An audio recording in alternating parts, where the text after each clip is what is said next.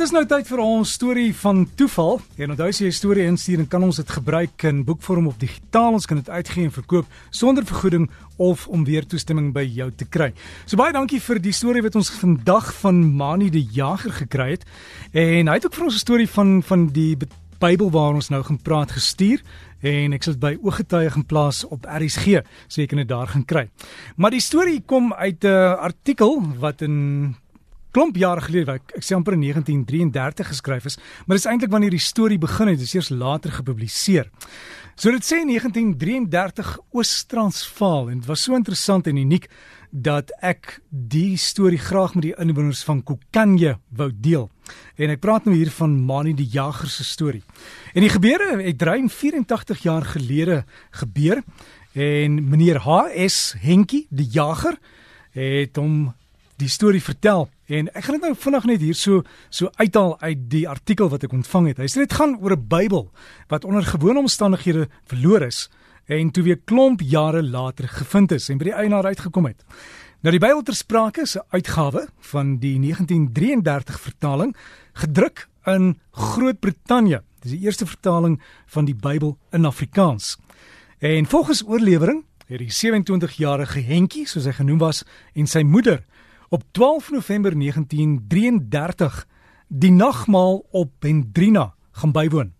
Hulle het op die plaas Driepan gewoon en is die tog met perkar deur.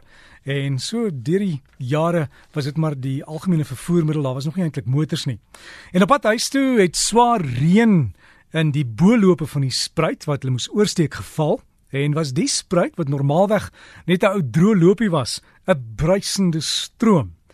En Henkie en sy moeder het egter geoordeel dat hulle dit kon waag om die drif aan te durf, uh, maar met katastrofiese gevolge. En halfpad deur het die perdkar begin dryf en toe omgeslaan. En die perd het paniekerig geraak en Henkie moes toe die tye gaan lossny om hierdie diere te red. Hy en sy moeder het ook wonderbaarlik die drama oorleef en hulle besittings was toe alles weg, stroom af in hierdie siedende watermassa. En ook sy moeder se Bybel en sy eie kosbare nuwe Bybel was daarmee heen. Sy moeder se Bybel is toe 'n tydjie na die ongelukke entlaar stroom afgevind waar dit uitgespoel het, maar van Hentjie se Bybel was daar geen teken nie en hy moes toe maar vrede maak met hierdie verlies van hom. Hy het later na Edenvale in Johannesburg verhuis en deur die jare was die verlore Bybel maar net 'n vae herinnering aan daai byna noodlottige ongeluk en al die water van 1933. En toe op 'n goeie dag 18 jaar later op die plaas Kromdraai onder 'n oorhangende rots langs die klein Olifantsrivier in die Wonderfontein omgewing, so 17 km van waar die ongeluk plaasgevind het, het beeswagters op hierdie Bybeltjie afgekom en blykbaar nog met die rekkie om en hulle weet hulle het hom toegemaak as hy nou nie waar was dat hy nie oopgewaai het nie. En die buite en die binneblaaie was nog netjies bymekaar. Weliswaar, soos verwag kan word, was die uitwerking van die elemente na soveel jare duidelik sigbaar aan die buitekant van die Bybel, maar die binneblaaie was nou nie te erg beskadig nie. En hierdie verlore Bybel is toe aan die plaaseienaar van Kromdraai oorhandig en hy het dit aan die polisie van Wonderfontein besorg.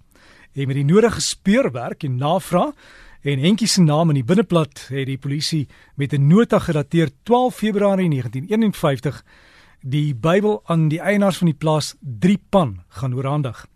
Die plaas was toe nog in besit van die De Jager familie en kon hulle toe die Bybel aan sy regmatige eienaar in Edenvale terug besorg.